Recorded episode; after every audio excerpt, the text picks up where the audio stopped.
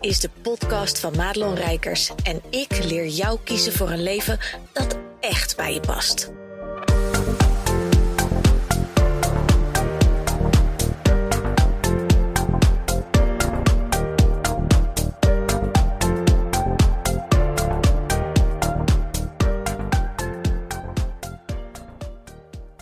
Hey, goed dat je luistert naar deze podcast. En ik neem deze podcast op terwijl ik heerlijk buiten zit in het lentezonnetje. En misschien hoor je de vogels om mij heen, dus die zal je door deze podcast horen. Ik zit hier in het prachtige Oldertreinen, wat um, een plaatsje is, een dorpje. We hebben niet eens een bakker of een dokter. Net onder de rook van Heerenveen. En als je de echte Friese vraagt of dit Friesland is, dan zullen ze allemaal nee zeggen, want we zitten onder de tjonger.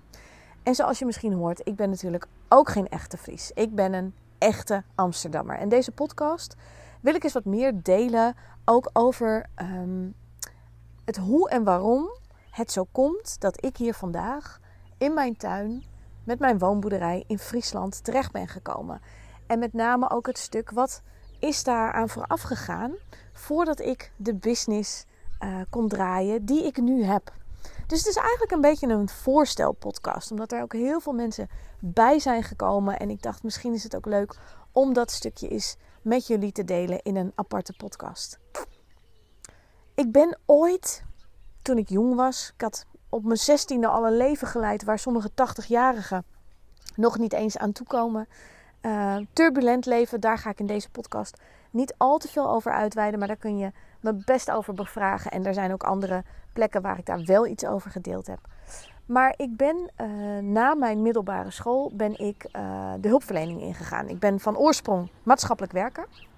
Dus ik ben heel erg geschoold ook hè, in dat psychologiedeel, praktische hulpverlening, uh, psychosociale hulpverlening. Allemaal dat soort dingen past ook heel erg bij mij. Ik kon naar de universiteit voor psychologie, maar ik ben een praktische doener. Dus het HBO en het gewoon doen en leren in de praktijk, dat past heel erg bij mij. En dat doe ik eigenlijk nu nog steeds. En toen ik hulpverlener werd, toen ging ik met, nou, ik was 22 jaar, toen ben ik afgestudeerd, ben ik het werk ingerold. En al vrij snel kwam ik erachter dat ik daar um, een bepaald idee had over mensen helpen. En dat dat uiteraard, thema in mijn leven, niet strookte met de regeltjes en hoe het heurde. En iedereen die deze podcast luistert en uit de hulpverlening komt, dan weet je dat je helemaal protocolair gedrild bent in. Hè, bijvoorbeeld in mijn tijd was het het vijf gesprekken model. En wat je allemaal wel en niet mocht. En projectie kon niet. En dit en dat. En daar ben ik heel anders over gaan nadenken.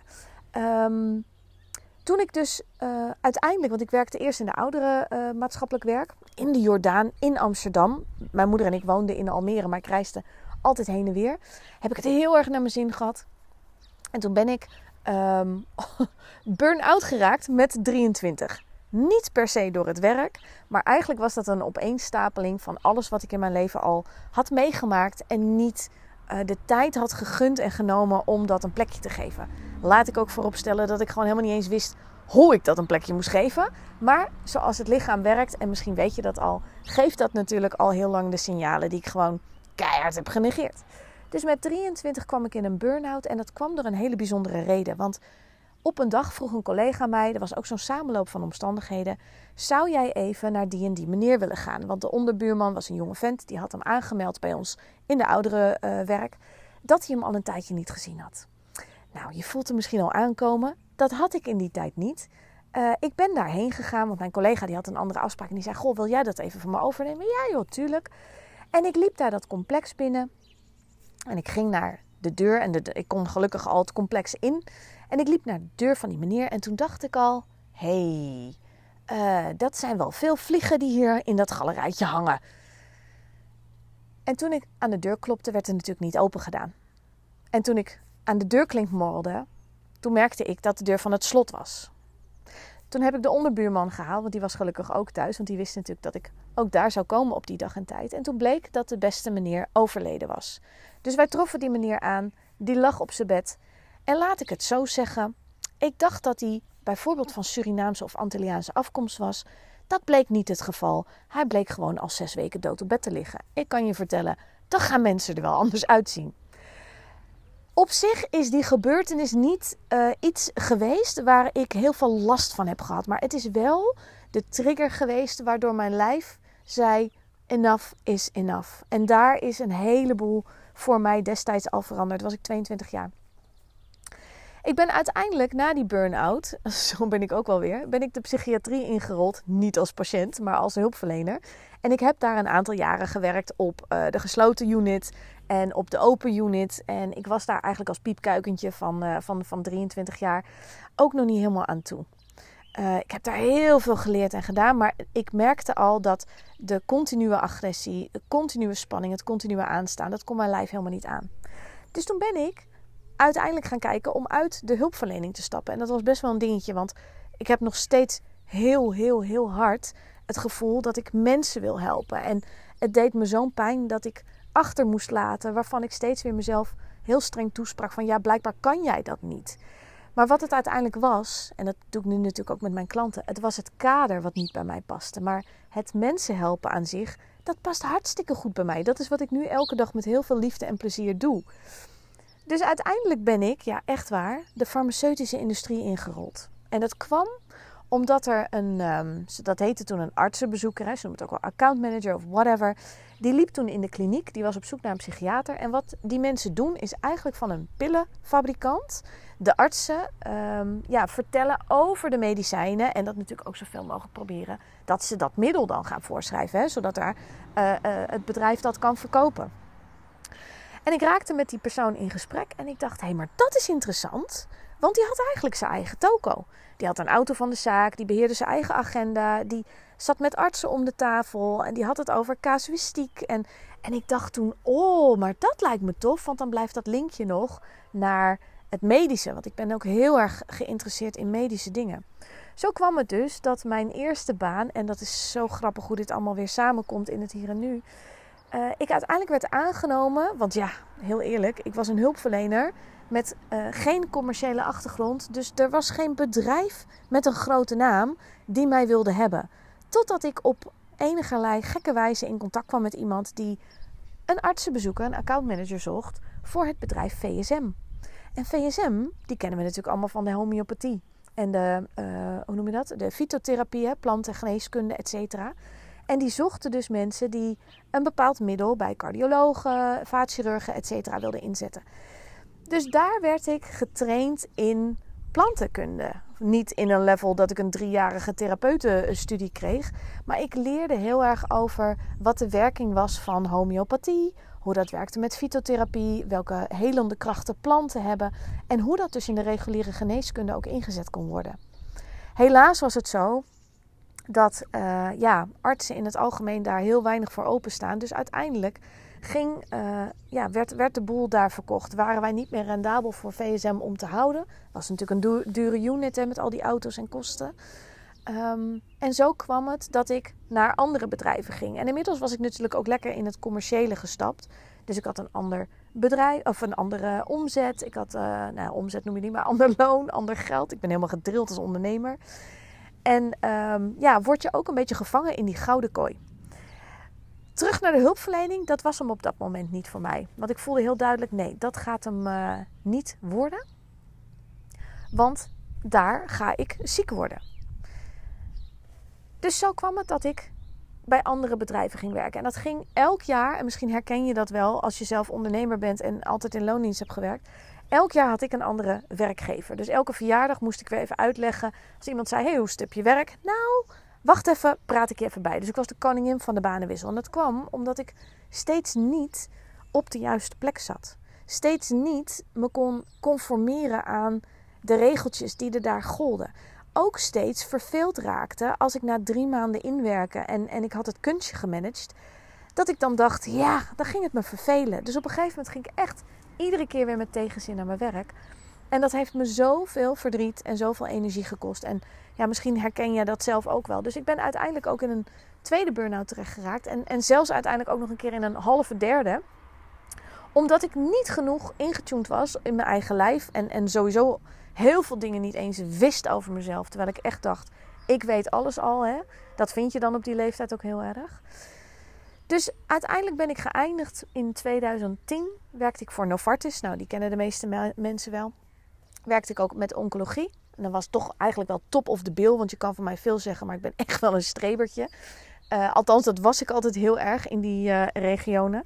Dus ik werkte top of the bill. Uh, scoorde altijd een 10 voor de toelatingstoets medische kennis en zo. Ik vond dat fascinerend. Maar uiteindelijk was, dacht ik, mijn grote droom moeder worden. Want ik wist al, dat werk, ja, ik ga gewoon nergens tussen passen. Ik pas niet in de hulpverlening, pas niet in de commerciële wereld. Want daar was ik eigenlijk te soft, weet je wel. Ik nam veel te veel tijd voor gesprekken, allemaal dat soort dingen.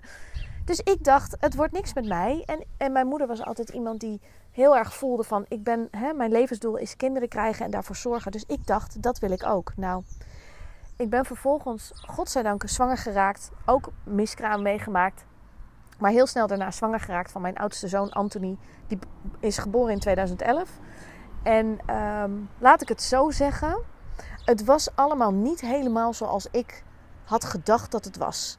En ik zal je de dramatiek van het verhaal besparen. Maar uh, mijn eerste zwangerschap verliep met bekkeninstabiliteit. Mijn schoonvader overleed. Mijn man kreeg een ernstige knieaandoening. Waarvoor we uh, ja, misschien wel dachten dat hij reuma had. Hij liep bij de grootste professoren in het AMC. Niemand wist wat er was. Nou, uiteindelijk blijkt eigenlijk al die klachten, want die zijn ook wel weer relatief uh, opgelost, allebei.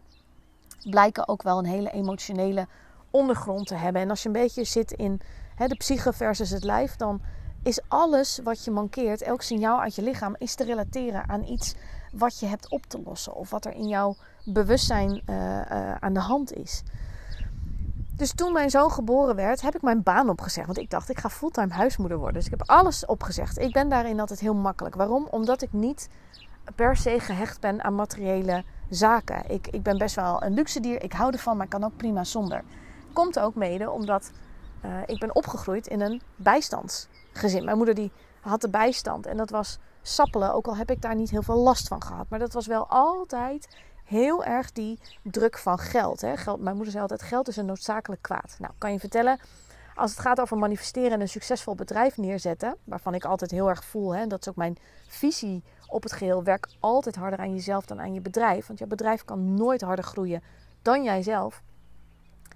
Als je bent opgegroeid met gedachten als geld is een noodzakelijk kwaad en je ziet je moeder huilen omdat het allemaal um, stress oplevert. Hè. Geld is een, een middel wat gewoon heel erg gelinkt is geweest altijd voor mij aan stress, aan narigheid, uh, aan, aan um, gemene mensen, allemaal dat soort dingen. Dan is het best wel een dingetje om een succesvol bedrijf te kunnen hebben. En ik zal je ook heel eerlijk zeggen, dat heeft ook echt wel even geduurd voordat dat kon.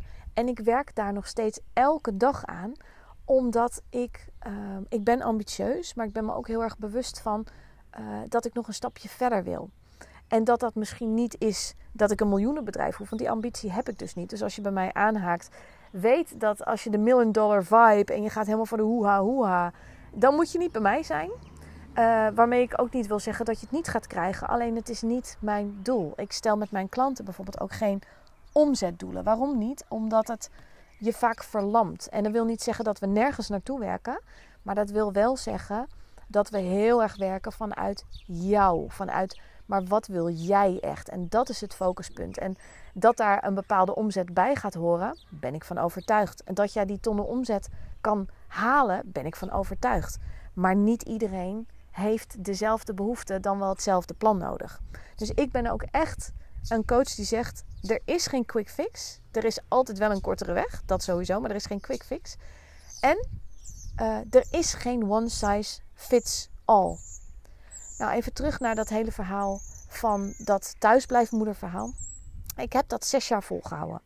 En ik zeg volgehouden omdat het uh, zeker de eerste twee jaar, Anthony was ook een huilbaby, wat niet gek is als ik dan terugkijk naar hoe wij zelf in ons vel zaten. Dat die arme jongen, die heel hooggevoelig is. Mijn kinderen zijn super hypergevoelig. En, en ook ja, heel intelligent, al zeg ik het zelf. Zegt elke moeder over hun kinderen. Maar hè, waarschijnlijk heb jij, omdat jij ook iemand bent die hypergevoelig is. En, en geloof me, als je dit zit te luisteren, dan ben je dat.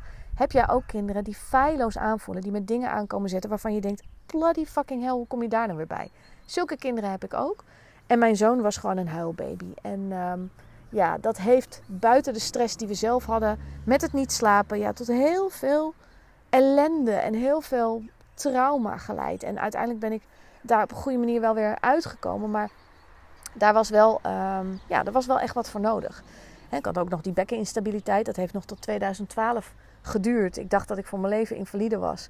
Voordat ik uh, ook per toeval met iemand in contact kwam die gewoon letterlijk mijn gestelrecht heeft getimmerd. Ik zweer het je, ik zit bij zo'n orthomanueel therapeut en heel af en toe, zo één keer per jaar doe ik een onderhoudsbeurtje.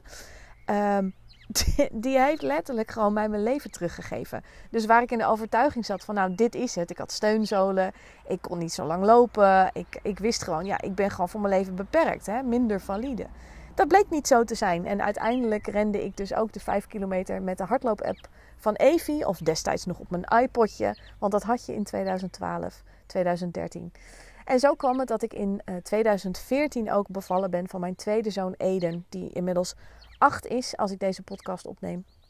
En um, dat was een heel ander soort zwangerschap. Daar ging ik ook met een heel ander soort intentie in, met een heel ander soort bewustzijn. En dat is misschien ook meteen een mooie les om mee te nemen. Dat de manier waarop je uh, zelf in je vel steekt, maakt ook uit voor wat je natuurlijk weer terugkrijgt. En als ik dat zeg, dan denk je, ja, uh, dat weet ik ook wel. Maar dat zijn van die dingen, als je er zelf in zit en je hebt zelf die emoties, dan kan je soms heel erg vast komen te zitten. En niet soms, best wel vaak eigenlijk. Ik zeg altijd tegen mijn klanten: emoties uh, kunnen je maken of breken. En het is aan jou om je te beseffen dat je ze A al niet bent, maar hebt. Dat is echt een verschil. En B, dat het ook een heel mooi kompas is om door je leven heen te fietsen. Om te voelen waar lig ik er vanaf? Waar voel ik verdriet? Waar voel ik boosheid? Wat is er nog aan te kijken? Wat mag ik nog oplossen met mezelf? En wat, wat mag ik um, doorvoelen? En heel vaak zit dat altijd een beetje in zo'n hoekje van de macramé en de macrobiotische yoghurt en, en, en de linksdraaiende whatever met zo'n gemacrameerde plantenpot. Maar ik ben er echt voor om dat op een praktische manier met je te gaan vertalen, zodat je de, de magie, de energie, het spirituele ook echt in het hier en nu kunt gaan inzetten om letterlijk praktisch gewoon stappen te zetten in je leven, in je business, die gewoon leiden naar veel meer plezier en geluk en geld en alles wat erbij hoort. Want voor mij is overvloed is niet alleen maar omzet, is niet alleen maar geld. Voor mij is overvloed is om me heen zitten en luisteren naar de vogels. En dat ik hier zit in een woonboerderij met mijn man, die helikopterpiloot is, met twee fantastische gezonde kinderen. Met geld in overvloed voor wat we nodig hebben. Wij hebben hier niet een miljoen op de bank, ook geen, geen tonnen op de bank. Wij hebben hier precies wat we nodig hebben en we zijn daarin heel gelukkig. En ik hoef niks te laten staan. Ehm, en dat is voor mij overvloed. En dat is nog wel eens wat ik veel te vaak bij anderen zie gebeuren, is dat ze zich alleen maar focussen, alleen maar op omzet.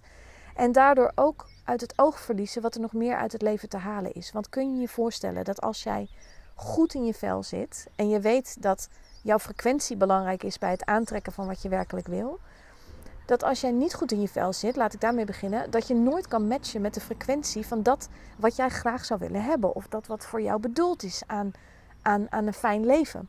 En als je ervoor zorgt dat je dus lekker in je vel zit en ervoor doet wat nodig is, en dat kan van alles zijn, hè? dat kan gewoon een wandeling zijn, het kan sporten zijn, het kan gezond eten zijn, het kan een goede, een goede seksbeurt zijn, het kan een kopje thee drinken met een vriendin, het kan in het zonnetje even genieten buiten, het kan van alles zijn, zelfs stomme kattenfilmpjes kijken. Als je zorgt dat jij in de goede vibe zit, dan ga je veel meer resoneren met dat wat er op die frequentie past. En zo kwam het dus dat ik in 2014 mijn tweede kind kreeg. Ik zat destijds een stuk beter in mijn vel. Ik ging lekker ook naar festivals nog. Ik was, ik was weer echt mezelf aan het worden. Ik had mezelf in een rol gepropt die moeder heette. Waarvan ik volgens de kadertjes, zoals we dat leren op school, zoals je dat ziet op tv, zoals dat bij mijn eigen moeder ziet, heel erg had geprobeerd om daartussen te passen. Maar ik ben niet zo. En ik heb daar dus heel mooi de les mogen leren van oké, maar hoe ga ik het dan vormgeven? Wat is het moederschap voor mij? En het moederschap, het ondernemerschap, elke schap, echtgenootschap, je mag dat ten alle tijden zelf voelen. Hoe wil ik dat hebben? Nou, fast forward naar ik ging weer een baan zoeken. mijn zoon was, mijn tweede zoon was inmiddels een jaar. En ik dacht, weet je wat ik moet gaan doen? Ik moet weer een baan gaan zoeken, man. Dat dacht ik toen nog, hè? Ook weer een kadertje. Want als je denkt, ik ga weer werken. Er was nooit in me opgekomen dat ik ook ondernemer zou kunnen worden. Gewoon niet. Ik heb geen ondernemers in mijn familie. Uh, mijn man die heeft, die komt uit een familie in die zin. Daar waren de meeste zaten in bijvoorbeeld bloemenman en allemaal dat soort dingen. Het is een heel andere tak van sport. Dus hard werken voor je geld of onder een baas werken, dat was hier het kader. Dus toen ik voor mezelf uh, uh, ging beginnen, ging ik eerst eigenlijk zoeken naar een baan. En zo kwam het dat ik hier in de regio op een gegeven moment, ik wilde wel weer terug de hulpverlening in. Want ik dacht, no fucking way. Dat ik weer dat commerciële in moet. Dat, dat, dat wil ik niet meer. Dat past niet bij me. Inmiddels weten we natuurlijk ook veel meer over dat hele farmaceutische gedoe. En denk ik, wow, daar neem ik echt, echt met helemaal ziel en zaligheid nu afstand van. Um, dus het lag voor de hand dat ik de hulpverlening inging. Snap je dan? Dat als je een gaten KCV hebt en als je hem op LinkedIn opzoekt, kan je alles zien, tot aan mijn diploma's aan toe van de school die ik heb gevolgd, van de studie. Niemand wilde mij natuurlijk hebben. Ik, er was geen brief die door de ballotagecommissie kwam. Omdat ik natuurlijk zes jaar huisvrouw was geweest. En daarvoor jarenlang in de commerciële wereld had gezeten. Ik was een beetje overgestapt naar de dark side. Dat is een beetje hoe de hulpverlening natuurlijk ook uh, uh, zijn perspectief heeft. Dus niemand wilde mij hebben. En dan zat er hier in de buurt, in de regio, zat er een, um, een instelling en die werkte met autistische kinderen. Ik zal je heel eerlijk zeggen, het is niet mijn topic per se, ook al weet ik er wel veel van. Het was misschien niet de handige mix ook geweest als ik daar met mijn persoonlijkheid bij uh, uh, autistische jongeren zou gaan zitten. Maar daar was ik op gesprek en zij werkte dus met ZZP'ers. En dat was voor mij, ik ging daar de deur uit, dat het me echt als een mokerslag binnenkwam. Dat ik dacht, wacht even. Maar als ik voor mezelf ga beginnen en ik zou hier gaan werken, dan zou ik toch ook voor mezelf kunnen gaan beginnen en mijn eigen regels maken, mijn eigen bedrijf opzetten. En dat is het begin geweest van mijn coachingsavontuur. Um, wat tot op de dag van vandaag geen moment heeft verveeld. Wat me ultiem geluk en plezier brengt. En tegelijkertijd ook de grootste tranen en frustratie in de afgelopen zeven jaar. Want ik ben alweer zeven jaar ondernemer. En dat begon natuurlijk eigenlijk geëikt. En misschien is dat voor jou ook zo, weet ik niet. Maar ik hoor van veel klanten dat dat voor hun ook ooit zo was. Toen je begon, ik was dat ook. Coach voor alles en iedereen. Of je nou bedrijf was particulier, maakt er niet uit. Waar heb je last van? Ik help je wel. En uiteindelijk ben ik met een business coach gaan werken. En ik, heb, ik ben echt getraind door Veronique Prins. Ik ben drie jaar, uh, heb ik haar mijn mentor mogen noemen. En uh, die heeft mij de basis meegebracht, of bijgebracht van het ondernemerschap. Want hoewel ik nu weet dat je het allemaal los mag laten en helemaal je eigen ding moet doen, uh, is er natuurlijk een basis nodig als je helemaal niks weet van ondernemen die wel fijn is om je aan vast te houden in het begin. Dus zo ben ik begonnen en ben ik echt me gaan toespitsen op loopbaancoaching. Heel erg dat, hè, doe, doe wat echt bij je past. En dat is tot op de dag van vandaag nog steeds het credo, mijn motto. Bouw het zo, richt je leven en je business en je, en je, en je baan, het boeit niet, zo in, zoals dat bij jou past. En van loopbaancoach werd ik op een gegeven moment life coach. Want ik kreeg steeds meer um, ook vrouwen bij me en ik merkte dat het dat kadertje van een baan eigenlijk te beperkt was. En zo ging ik van de één op één loopbaancoachingstrajecten naar ja, een vol uh, groepsprogramma online met live coaching. En daar draaide ik groepen van 25 vrouwen. Waarin we hele toffe tijd, uh, waarin ik ze echt meegaf. Hè, dat was credo wel heel erg concessieloos jezelf durven zijn. Je niet meer druk maken om de mening van anderen. Echt durven komen halen uit het leven wat jij maar wil. En dat was zo tof om te doen. En ik zeg altijd, of ik zei altijd tegen, tegen klanten die wilden gaan ondernemen: waar je mee begint, is nooit waar je mee eindigt. Want het is een ongoing proces. En jouw bedrijf gaat steeds meer evolueren. Je gaat steeds meer voelen als je echt goed ingetuned bent op jezelf en op de antwoorden waar het heen mag. Dus die hele hoe dan, hoe dan, mag je ook loslaten. En ik weet als geen ander hoe moeilijk dat is.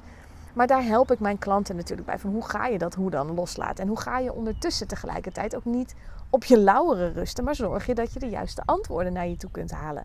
zonder dat je dat per se allemaal heel hard moet bedenken en heel hard moet werken. Want als ik ergens van afgestapt ben, dan is het van het harde werken. Want dat deed ik in die tijd wel nog. Ik werkte nog wel heel hard. En dat kwam natuurlijk voort ook uit allerlei overtuigingen, allerlei stemmetjes die ook ik te managen had. En nog steeds elke keer moet managen. Want die stemmetjes, die gaan eigenlijk nooit helemaal weg. Het is alleen aan mij om ervoor te zorgen dat ik mijn innerlijk werk doe. Om dat te tackelen, om steeds weer door te kunnen groeien. We weten allemaal nog het moment dat corona kwam. En daar zat ik midden in mijn groepen. En, en ik was een coach die sowieso al gekozen had voor online werken. los van wat klanten misschien wel wilden over live. Ik wilde dat niet. Dus ik had heel duidelijk bepaald: dat gaan we niet doen. Ik werk uitsluitend online. En dat wil ik je ook echt aanraden. Om voor jezelf die kaders neer te gaan zetten. Om gewoon eens even basic te gaan kijken. Maar hoe wil ik werken?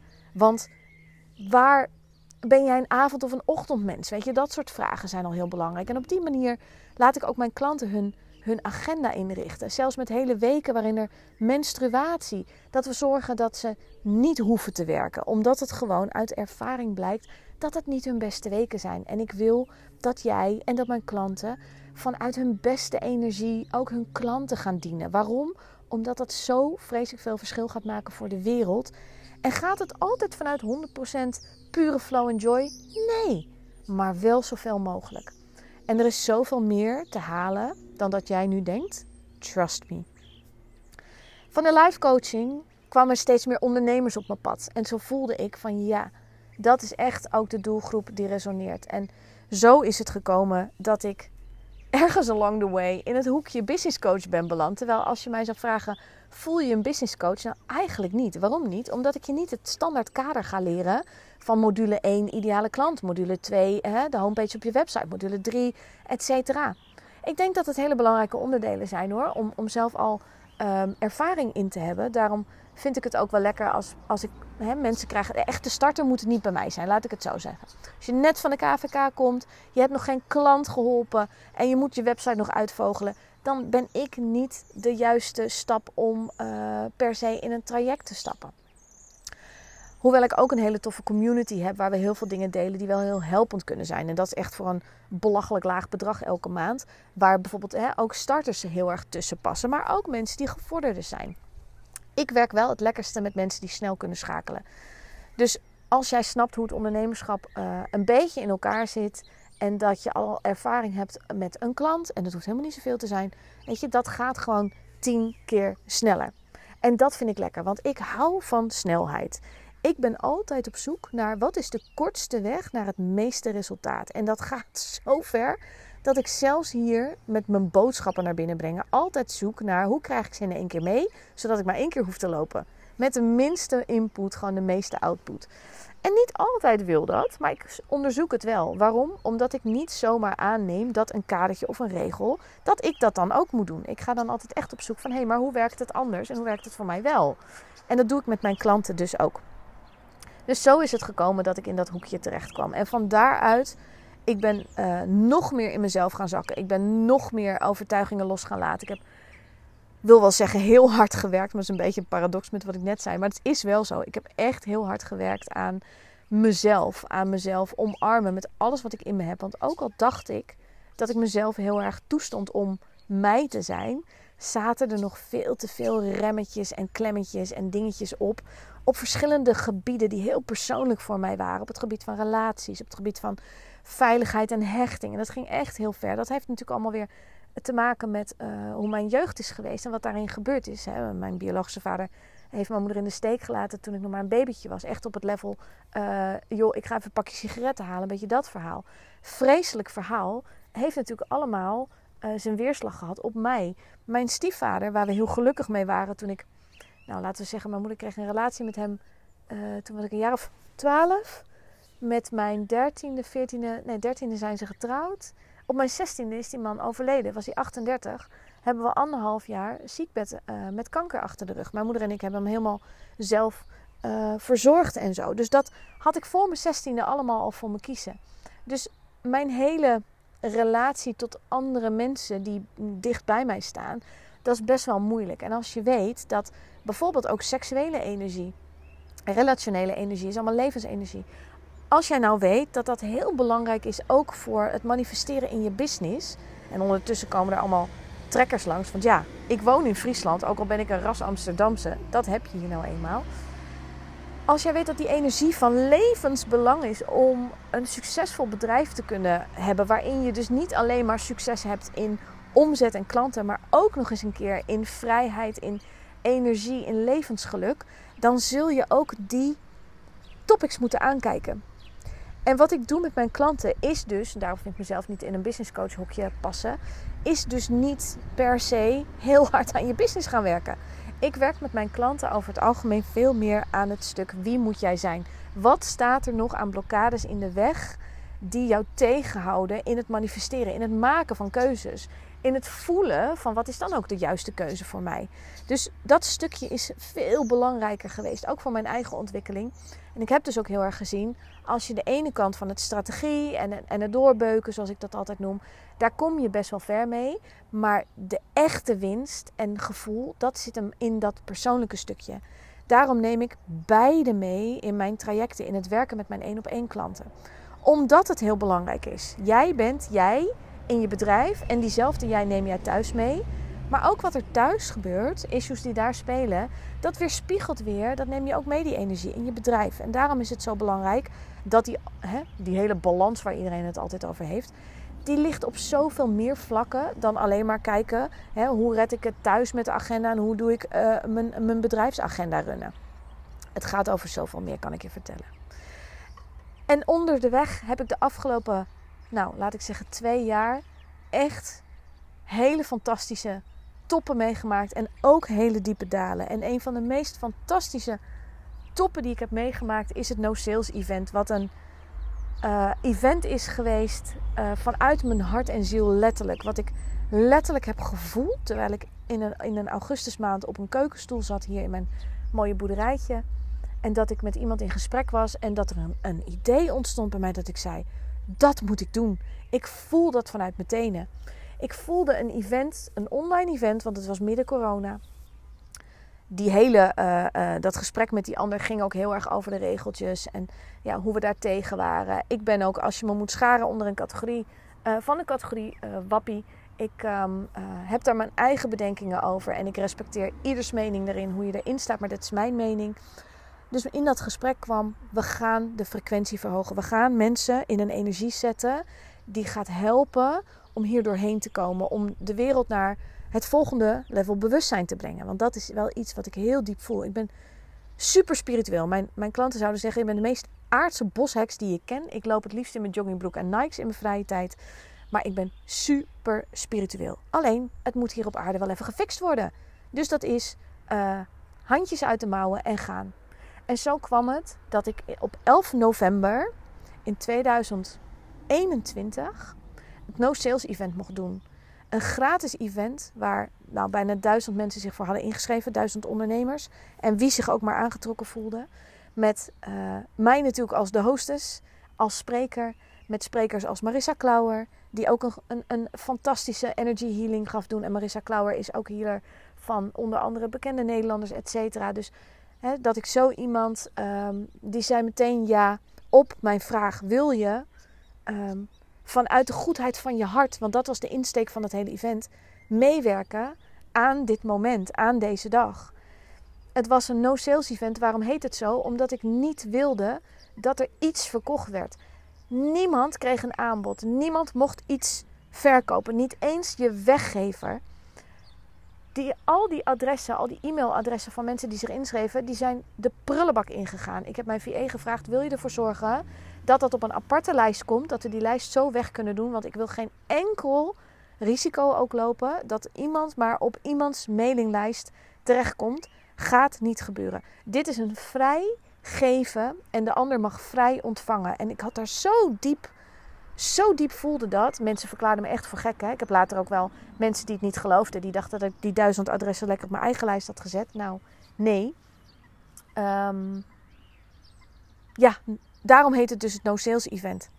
Ik was heel even weer aan, dat onrechtvaardige gevoel dat je dan beticht wordt van... nee jongen, je lult. Je hebt dat gewoon op je eigen lijst gezet. Maar ik ga je zo ook vertellen wat de diep, diepe dalen waren. Hè, want dat zei ik ook. Uh, dus dit is wel een lange podcast. Als je ergens heen moet, zet me lekker op pauze of doe het op een ander moment. Uh, maar ik neem je nog even mee in de, in de afgelopen paar jaar. Omdat er heel veel mooie lessen um, in zitten. En, en dat je me ook wat beter leert kennen nog op dat vlak. En dat je ook weet wat er voor nodig is om te komen waar ik nu sta. En dat je, dat je ook met je porum op events mag spreken. En dat je gevraagd wordt voor het summit. Uh, dat komt niet zomaar. Daar moet je echt wel um, iets voor doen. Moeiteloos is nooit zonder moeite. Ehm, maar hoe meer jij jezelf durft te zijn, hoe meer je durft uit te spreken, hoe meer je jezelf zichtbaar maakt en laat horen dat je er bent, hoe meer je doet ook wat echt bij jou past en niet wat je denkt dat je moet doen, ja, hoe meer dat soort kansen ook echt op je pad komen. Waardoor hè, de frequentie die jij uitzendt matcht met dat wat jij aantrekt. Maar dat No Sales Event was op de 11e van de 11e, wat natuurlijk een super spirituele datum is. Marissa Klauwer was een spreker. Tineke Zwart zei meteen ja toen ik het vroeg. Want ik voelde heel erg ook namen borrelen. Die wil ik erbij hebben, die wil ik erbij hebben. Ehm, ik wilde er nog iemand bij hebben, die zei nee. Dus ik dacht dat zal dan ook wel een reden hebben. En via hem kwam ik op Richard Delet. En Richard Delet ken je misschien wel als de oprichter van Oersterk. Um, en die kwam ook zijn verhaal delen over. En het verhaal was heel erg. Ik had ze gevraagd: wil jij als succesvolle ondernemer? En, en er waren, hè, ik was er toen met mijn, uh, nou wat zou ik opgezeten hebben? 60, 70.000 euro omzet, denk ik, per jaar. Uh, tot aan, nou ja, Tineke die natuurlijk ja, ergens tussen op dat moment 500.000 per jaar deed. Um, Richard die naar de miljoen uh, ging of gaat of, of was al, weet ik niet eens meer. Maar we waren verschillende gradaties, maar wel heel erg vanuit de succesvolle business die, um, ja, die echt wel steady was. Hè? Want je kan best wel eens een keer een klapper maken, maar hoe hou je dat ook vol?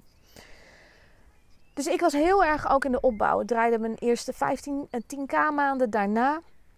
Maar ook niet meteen. Maar wel tijdens dat ik dat no sales event was aan het organiseren was. Daar was eigenlijk mijn eerste 10k maand. En dat was bijzonder, want ik deed er geen kut voor. Want ik was helemaal gefocust. Helemaal in mijn happy joy joy plek.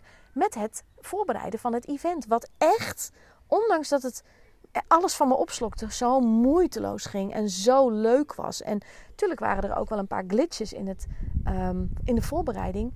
Maar er was, het was allemaal zo opgelost en het stroomde. En, en dus stroomde het aan die kant ook. En mensen wilden met mij samenwerken zonder dat het hele no-sales event er nog was geweest.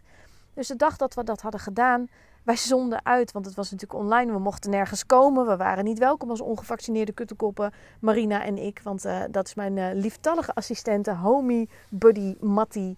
Uh, en, en wij doen het samen. zij is mijn, ja, ik kan het VA noemen, maar het is meer online business manager, zeg maar. Dus zij beheerde de chat uh, samen met nog iemand. Zij uh, beheerde het hele proces. Ik stond daar de hele dag te shinen. We hadden een speciale no sales event playlist. Die is nog steeds te vinden als je op mijn link in bio gaat van Instagram. Daar staat die. De mensen in mijn community die hebben allemaal toegang tot dat soort dingen. In de gidsen. Het is zo'n Facebookgroep, hè, dus dan kan je allemaal gidsen maken met allemaal toffe info.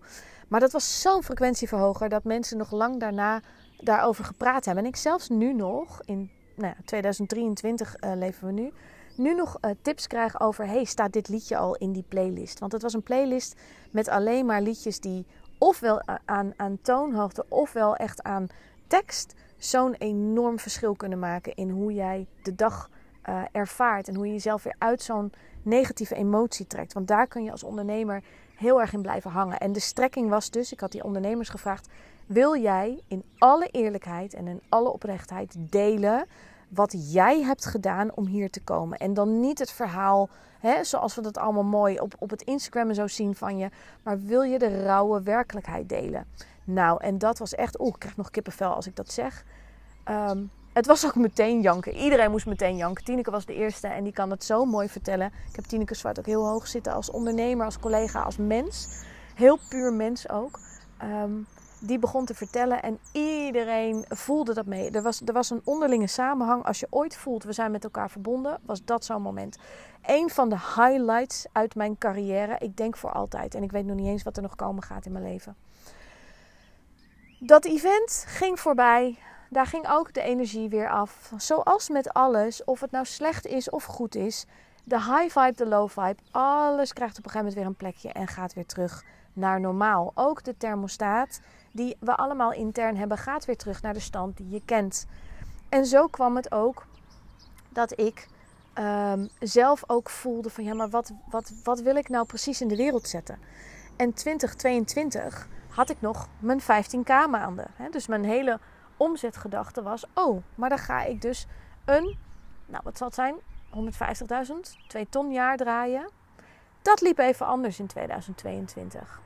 Want ik voelde na Q1, wat een heel succesvolle start was, dat ik iets anders mocht gaan maken. Dat ik mijn business op een andere manier wilde indelen. En dat heeft geleid tot ehm, een inkakken van mijn omzet. Maar daar heb ik bewust voor gekozen, hè, want het had niet gehoeven. Maar ik heb het zo losgelaten. Dus ik heb mijn klanten afgewerkt. Langzamerhand. Af en toe kwam er nog een nieuwe klant dat ik dacht: Oh, met jou wil ik wel echt samenwerken. En ik was heel erg aan het voelen. En wat ze ook wel noemen, aan het downloaden. Maar dat klinkt altijd zo van kutem, vind ik. Maar ik was wel heel erg ingetuned op: Oké, laat het maar maar zien. Vol vertrouwen, ogen dicht. Universum, laat mij maar zien wat de bedoeling is. Ik kan je vertellen, het universum had daar even een andere gedachte over. Want, zoals met alles, is er voor alles een tijd en een plaats. En als je net zo'n juffertje ongeduld bent, als dat ik nog steeds ben, was het op een gegeven moment in Q2 dat ik dacht: Universum, ik weet niet waarom het zo lang duurt, maar ik zou het echt heel fijn vinden als je me gaat begeleiden bij dat wat ik te doen heb. De manier waarop ik het mag bouwen. Want ik wist wel, het model wat ik draaide met alleen maar één op één, dat is ook niet schaalbaar. En dat wist ik wel. Maar ik had niet uh, um, ja, de tijd en, en de rust om dat op een andere manier te doen. En ik wilde echt niet doen wat andere mensen deden. En, hè, want dat zie je heel vaak ook bij business coaches, dat daar zo'n ja, standaard model is. Je komt als starter, ga je er ergens in, je kan doorgroeien. En je hebt voor elk, elke ondernemer die op een level is, heb je wel een programma waar uh, hè, toch heel veel tijd ook mee gemoeid gaat. En ik wilde op die manier niet werken. Ik wilde daar uh, een eigen vorm voor verzinnen. En niet verzinnen, maar laten downloaden. En zo kwam het uiteindelijk dat heel langzaamaan in Q3 daar stukjes en beetjes begonnen te vallen. En waarom? Omdat ik door de angst heen begon te werken. Omdat ik me liet dragen door het universum. Want je mag best weten, toen ik het losliet, en ik zag natuurlijk ook heel langzaam zo die omzet naar beneden gaan. Toen kreeg ik ook de brein-error. Dat ik dacht, moet ik dit wel zo doen? Terwijl het aan alle kanten kloppend voelde. En ik heb echt in die periode heel veel stukken van mezelf aangekeken. En steeds alles gedaan wat nodig is voor mij om in dat vertrouwen te blijven. Het gaat komen. Het is de bedoeling. Ik heb een, een, een post-it op mijn computer, zo'n geeltje. Daar staat in koeienletters op met een edding voorbestemd. Dat is iets wat ik me steeds voorhoud. Het is voorbestemd. Dat wat ik van binnen voel, dat wat ik te brengen heb, dat dit nog niet alles is. Het is nog niet eens de helft van wat ik kan. Het is voorbestemd. En zo kwam het dat de antwoorden, toen ik ook echt in die overgave ging zitten. Want dat heb ik, ik heb ook heel lang in mijn weerstand zitten trappelen. Hè, van moet ik niet dit, moet ik niet dat, dingen geprobeerd. En dat werd een beetje, voor mijn gevoel ook paniekvoetbal. En dat wilde ik niet, want ik weet hoe funest dat is voor je business en voor je resonantie. En voor ook klanten voelen dat gewoon. Heel langzaam aan kwam die rust weer terug, kwamen de antwoorden en kon ik gaan bouwen. En zo heeft 2022 voor de rest van het jaar in het teken gestaan van het bouwen.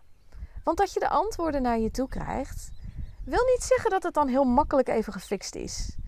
Maar zoals alles in het leven kwam het goed en heb ik een prachtig businessmodel staan waarin ik zielsgelukkig ben met um, de manier waarop ik het nu voor elkaar heb. Ik heb mijn community waar ik echt een bepaalde visie mee heb, waar ik ongelooflijk gelukkig mee ben dat ik mensen op een laagdrempelige manier in de juiste vibe mag zetten, maar ook gewoon praktisch mag helpen met vragen en dat soort dingen, zonder dat zij daar een heel hoog bedrag voor hoeven te betalen en zonder dat het mij ook heel veel tijd en energie kost.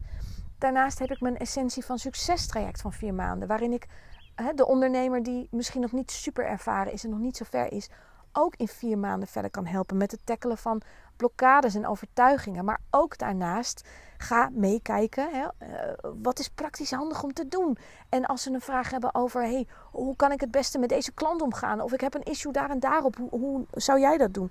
Dat ze me gewoon kunnen vragen. En dat ze door kunnen stappen. En dan heb ik ook nog maandelijks Madelon mentoring. En dat is echt voor een uh, wat, wat verdere ondernemer die zegt: Ik wil jou onder de knop. Ik wil onbeperkte coachcalls bij jou kunnen boeken. Ik wil je inzetten als ik dat nodig heb. En dan kijk ik met ze mee um, uh, wat handig is, waardoor je snel schakelt. Daar ben ik ook gewoon ultiem beschikbaar. Via WhatsApp tussendoor. Maar ook dus, als jij zegt: Ik wil je twee keer in de week spreken, dan kan dat. En zo heb ik een model ontwikkeld waar de prijzen ook naar zijn. Want bijvoorbeeld Essentie van Succes is een vier maanden traject voor 2222 euro ex-BTW. En zo'n maandelijks Madelon mentoring, waar je echt, hè, mag je mij helemaal uh, tot je beschikking hebben. Die is 997 euro ex-BTW in de maand. En ik wilde een model waarbij ik ook um, mensen de vrijheid kan geven om mij een tijdje in te zetten en dan niet. Dus als je mij een maand nodig hebt, zet je me in. En als je zegt, hé, hey, ik heb bijvoorbeeld een lancering, of wil je met me meekijken, of ik heb een issue met vader, moeder, whatever, wil je er voor me zijn, dan ben ik er. En als je me daarna niet meer nodig hebt, dan ga je weer. En die vrijheid, dat heb ik ook met die community, dat moet maandelijks opzegbaar zijn. Ik word daar ultiem gelukkig van. En dat wilde ik dus ook op een manier maken die past bij hoe ik het zie, maar die tegelijkertijd ook niet ervoor zorgt dat ik in een omzetprobleem terechtkom. Hè? Dus dat, daar goed, dat ik daar goed over nagedacht heb. Van hé, hey, maar hoe zijn dan hè, de opzegregeltjes uh, uh, en, en wat betekent dat dan? En dat moest ik echt voor mezelf heel erg in een structuur gieten. En daar heeft 2022 in het teken gestaan. En per 1 januari 2023 kon ik beginnen. Ben ik begonnen met een hele toffe driedaagse online training gratis te volgen. En noem het een challenge, noem het een training. Het is allemaal hetzelfde. Doe lekker even niet normaal. En dat was de start van mijn nieuwe business fundament. En ook de manier waarop ik met mijn klanten werk. Om nog meer los te breken van de kadertjes, ook in de coachwereld, hoe het heurt. En ook niet meer vast gaan zitten aan ik hoor in categorie business coach of ik hoor in dat. En, en het is voor je marketing natuurlijk wel belangrijk dat mensen weten: hé, hey, maar waar hoor jij? Maar ik wil het echt op mijn manier doen en ik wil mijn klanten dat meegeven dat alles mogelijk is. En zo komt het dat jij deze podcast zit te luisteren en dat je dus luistert ook naar iemand die zich eigenlijk niet specialist, maar generalist noemt. Ik ben specialist als het aankomt om dat stukje echt authentiek jezelf zijn, je durven uitspreken en echt doen wat bij je past. Hè? Bijna concessieloos. Dat is mijn specialiteit. En tegelijkertijd heb ik zoveel ervaring, zoveel dingen doorlopen, een goede basis. En mag ik mezelf dus ook generalist noemen, waardoor dit model ook extreem goed bij mij en mijn klanten past. Omdat je me gewoon letterlijk alles mag vragen en weet ik het antwoord niet, dan ga ik het voor je zoeken. Waarom? Daar betaal je me voor. En dat is natuurlijk iets anders van hoe het altijd was in de coachingsbusiness. Dat je voor thema A ga je naar die, thema B ga je naar die. En dat zal met sommige thema's nog steeds zo zijn. Want ik pretendeer helemaal nergens dat ik alles weet. Maar ik vind het fijn als je bij één iemand ehm, ook je persoonlijke dingen kunt neerleggen. En ik heb dat in het verleden wel gemist en misschien nodig gehad. Ik was me er niet eens zo van bewust dat er niet alleen maar meegekeken werd naar mijn businessmodel. Wat is handig? Hoe, hoe geef je een goede masterclass? Maar dat iemand ook meekeek naar welke pijnstukken zitten erachter. Jouw angst. Wat maakt dat je die keuze niet durft uh, te maken? En dat diepte in kunnen gaan over um, waar ligt het in je opvoeding? Waar ligt het in pff, conditioneringen, et cetera. Dus dat wilde ik heel erg bieden. En zo komen we op de dag van vandaag. Het is uh, eind maart 2023 als ik deze podcast voor je opneem. Wat een lange podcast is. Wat nog lang niet alles bevat wat ik heb meegemaakt. Maar dat is ook niet nodig. Ik hoop gewoon dat je een beetje beter beeld van mij krijgt wie ik ben. En hoe ik nu werk? Mijn businessmodel heb ik je uitgelegd. En het praktische deel is echt het coachingsdeel. Maar ik heb daarnaast ook het magische deel. En dat resoneert ook weer helemaal met um, ja, wat ik in het verleden heb gedaan. Wat ik je vertelde over VSM, plantenkunde. Ik ben ook heel erg gaan werken met etherische oliën. Is dat wat ik standaard doe? Nee. Maar zet ik het in als het nodig is? Ja. Is het iets wat uh, mij van nature afgaat, wat helemaal bij mij hoort? Ja. En zo combineer ik iets praktisch spiritueels met wie ik ben om jou verder te helpen. Om jou te helpen naar de business die A heel goed bij je past. Waar jij B heel gelukkig van gaat worden. En C waar je gewoon heel lekker geld mee mag verdienen. En dat gaan we helemaal inrichten volgens jouw maatstaven. En ik ga je daarin uitdagen om te kijken: is jouw maatstaf ook wel echt van jou? Of zit je stiekem nog te doen hoe je denkt dat het heurt? Op basis van wat andere mensen vinden dat je moet willen en wat de maatstaf is. Mocht je nou na dit hele lange relaas denken: hé, hey, volgens mij moeten jij en ik eens even babbelen, vrijblijvend, over hè, een van die producten die ik noemde, een traject, de maandelijkse Madelon Mentoring, of misschien wil je uh, uh, uh, iets anders van mij, maar wil je met mij gaan samenwerken één op één?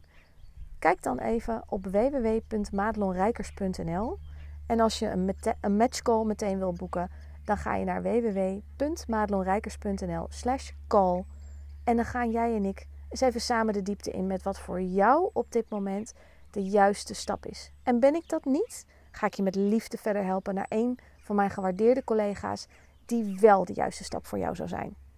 Maak er een mooie dag van en heb vooral plezier. Goed dat je luisterde naar deze podcast. Wil je meer van mij weten? Check dan snel mijn Instagram of kijk op www.madelonrijkers.nl.